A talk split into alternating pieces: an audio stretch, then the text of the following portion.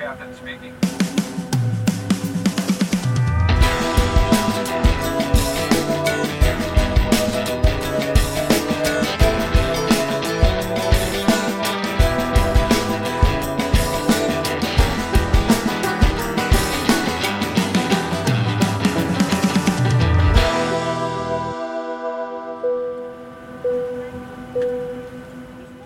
Günaydın. Bugünün yolculuk menüsü şu. Katalogdan aile seçilir mi?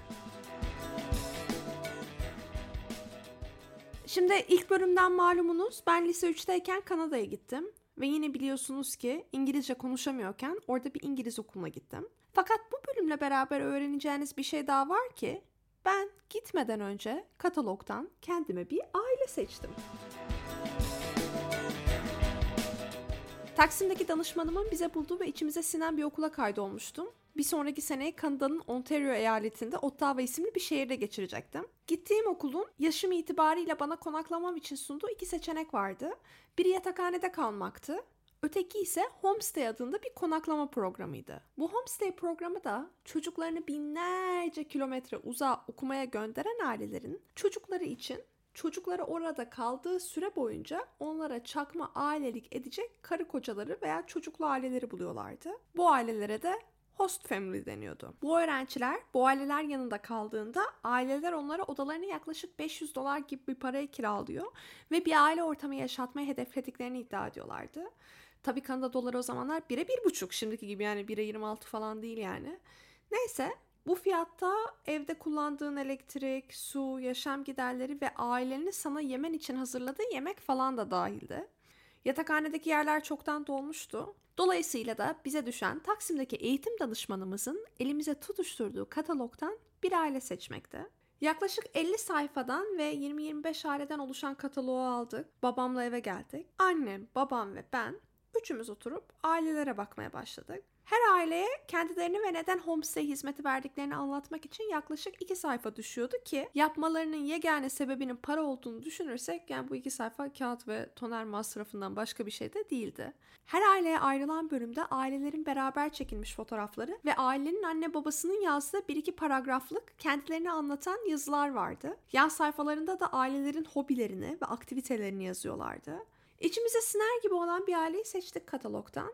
Adamın ismi David, kadının ismi Gail. Bir tane kızları var üniversiteye giden ve bir tane de köpekleri var. Adamın fotoğrafından anlaşıldığı üzere klasik bir baba göbeği var. Tabi bu biraz insana güven veriyor haliyle. Homestay yapma sebepleri arasında farklı kültürlerden insanları tanımanın onları çok mutlu ettiğinden ve kendileri de hali hazırda çocuk büyütmüş olduğu için gelen öğrenciye aynı özenle yaklaşmak için duydukları hevesten bahsediyorlar. Yani katalogdaki diğer 24 aile gibi. Nedenini tam hatırlamıyorum ama herhalde onların da erişkin bir kızı olduğu için bu ailede karar kıldık. Danışmanıma okula iletmesi için onları seçtiğimizi söyledik. Okul gerekli ayarlamaları yaptı. Bizimkiler yanında kalacağım aileyle daha iletişime geçmeden her şey aslında sonuca varmıştı. Geriye kalan tek şey okulun toplantı odasında okul başlamadan az biraz önce yaklaşık 4 ay önce katalogdan seçmiş olduğum insanlarla tanışmaktı. Ağustos ortasına doğru Ottawa'ya gelmiştim. Okul yaklaşık 2 hafta sonra falan başlıyordu ve o meşhur tanışma toplantı odasında planlandığı gibi gerçekleşti. Okulun yabancı öğrencilerinden sorumlu olan kadın bizleri tanıştırdı. Tanışmamızın ertesi günü yanlarında kalacağım ailenin evine çay saatine gittik. Annem, babam, ben. Herkes iyi anlaşmış gibiydi. Hani böyle bir durumda ne kadar iyi anlaşılabilirse garip yani çünkü. Sonra beni bir sene boyunca kalacağım odaya çıkardılar. Dediler ki Aha da burası senin odan. Benim İstanbul'da yaşadığım evin odası çok küçüktü. Çünkü bir oda değildi yani. Annemler Gölcük depreminde sallantıyı çok büyük hissedince odam evin giriş kapısına çok uzak olduğu için kapının tam önüne denk gelen kısmı salondan bölmüş ve benim için daha güvenli olduğunu düşündükleri için orayı bir odaya dönüştürmüşlerdi. Bu evdeki oda öyle değildi. Bu oda gerçek bir odaydı çünkü. Bir yerden bölünmemişti ve duvarları deniz mavisiydi. Yatağını masasını geçtim içinde bir berjeri bile vardı.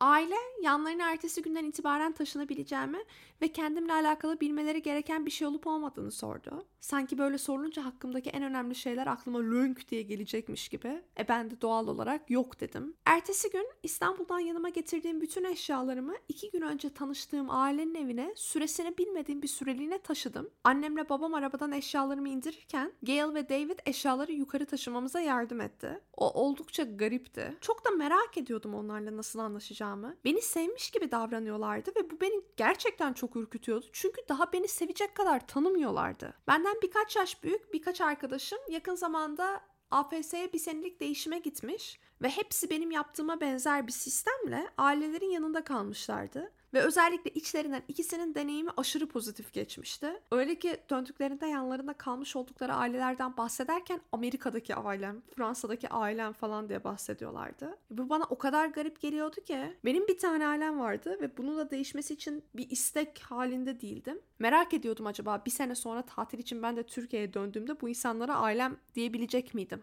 Benimle aynı evde hatta yan odamda bir kız daha kalıyordu. Şu an yani çeşitli sebeplerden dolayı adını vermeyeceğim ama kız da benimle aynı okula ve aynı döneme gidiyordu. Fakat o Türkiye'den değil kara para aklamada çok meşhur olan bir ülkeden gelmişti. Söz gelimi aile yemeğe hep beraber oturmamız ve günün nasıl geçtiğiyle alakalı muhabbet etmemiz hakkında da oldukça ısrarcıydı. Erkenden acıktığım için annemin ve babamın işten gelmesini beklemeden televizyon karşısında okul çıkışı izdivaç izlerken saat 5 gibi yemek yemeye alışmış ben artık istediğim saatte yemek yiyemez hale gelmiş ve bir ergen olarak her gün kendi ailemle bile muhabbet etmek istemeyen ben başkasının ailesiyle aynı sofrada her gün yemek sohbetine dahil olmak zorunda kalmıştım. Yani işin en saçma kısmıysa bunu hello, how are you, fine, good, good, good şeklinde konuşmaktan ibaret olan İngilizcemle yapmak zorundaydım. Bu arada ailenin bomboş bir muhabbeti vardı. Türkiye hakkında o kadar cahillerdi ki sormak için abuk subuk sorular soruyorlardı ve Batı'nın oryantalistçiliği resmen sözlerinden akıyordu.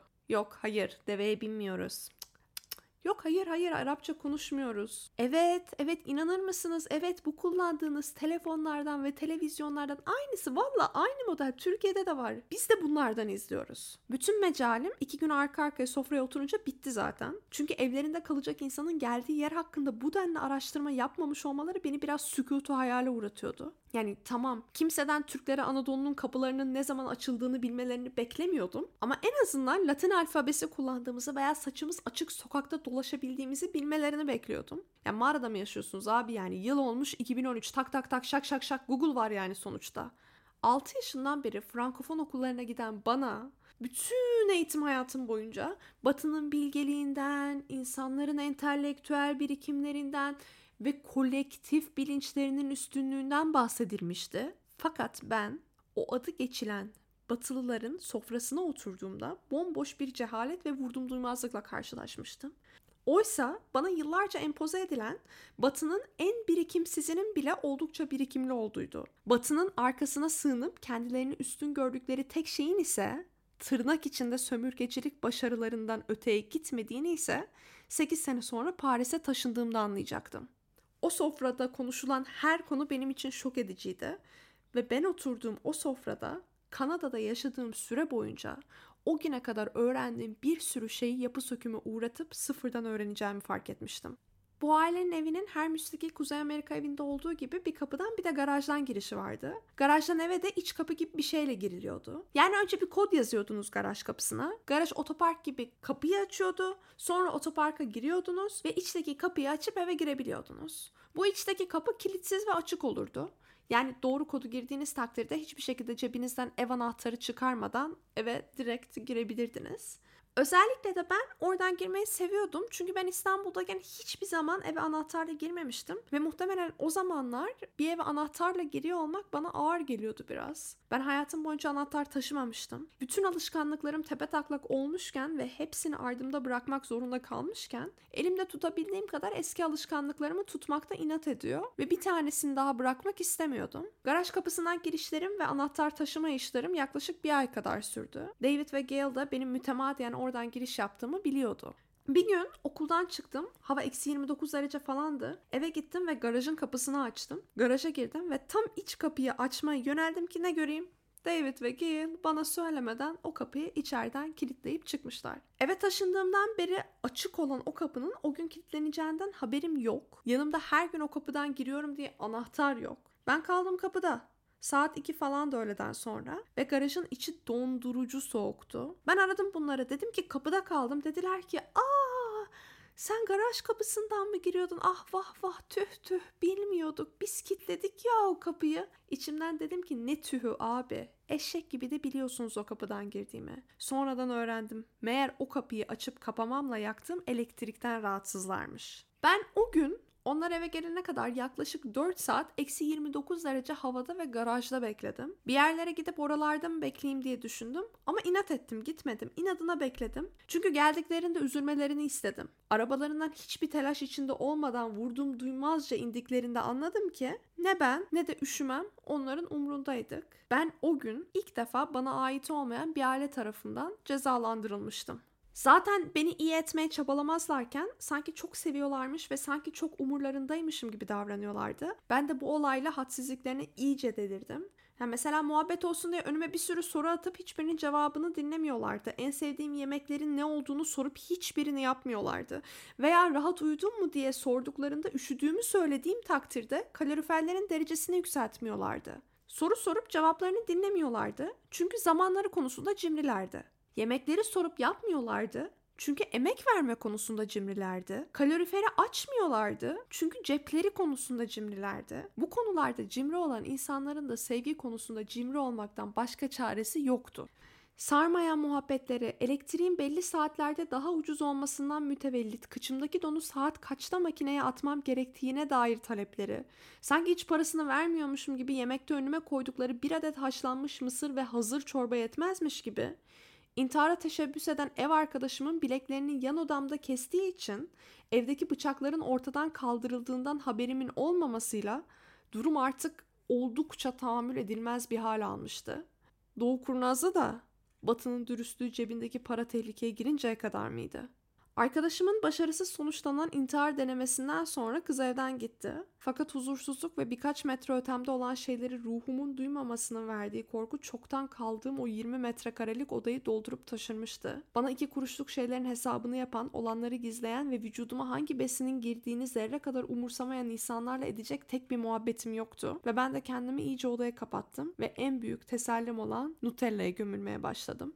Arkadaşım evden gittikten sonra o koca evde kimsecikler yokken yalnız vakit geçirmeye iyice korkar olmuştum. Ve her an her yerden bir şey çıkabilir korkusuyla kendimi odaya kapatıyordum. Geceleri uyurken de korktuğum için annem ve babamı Skype'tan arayıp ekran karşısında uyuyordum. Hayatımda ilk defa ruhlardan, inlerden, cinlerden falan korkuyordum.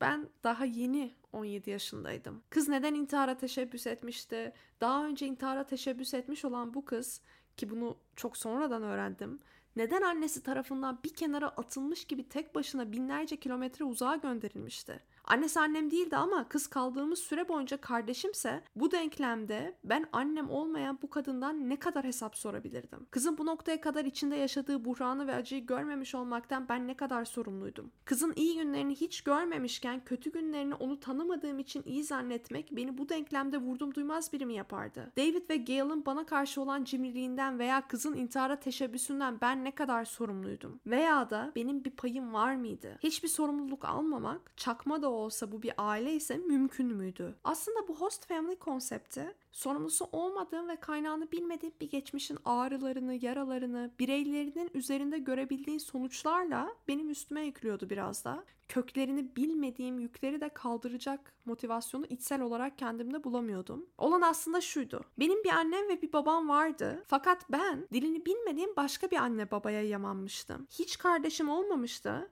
Fakat ben Başka bir anneden doğma 16 yaşında hap hazır bir kardeşe yamanmıştım. Ve bunların hepsine yamanırken yalanlarıyla ve depresyonlarıyla yamanmıştım.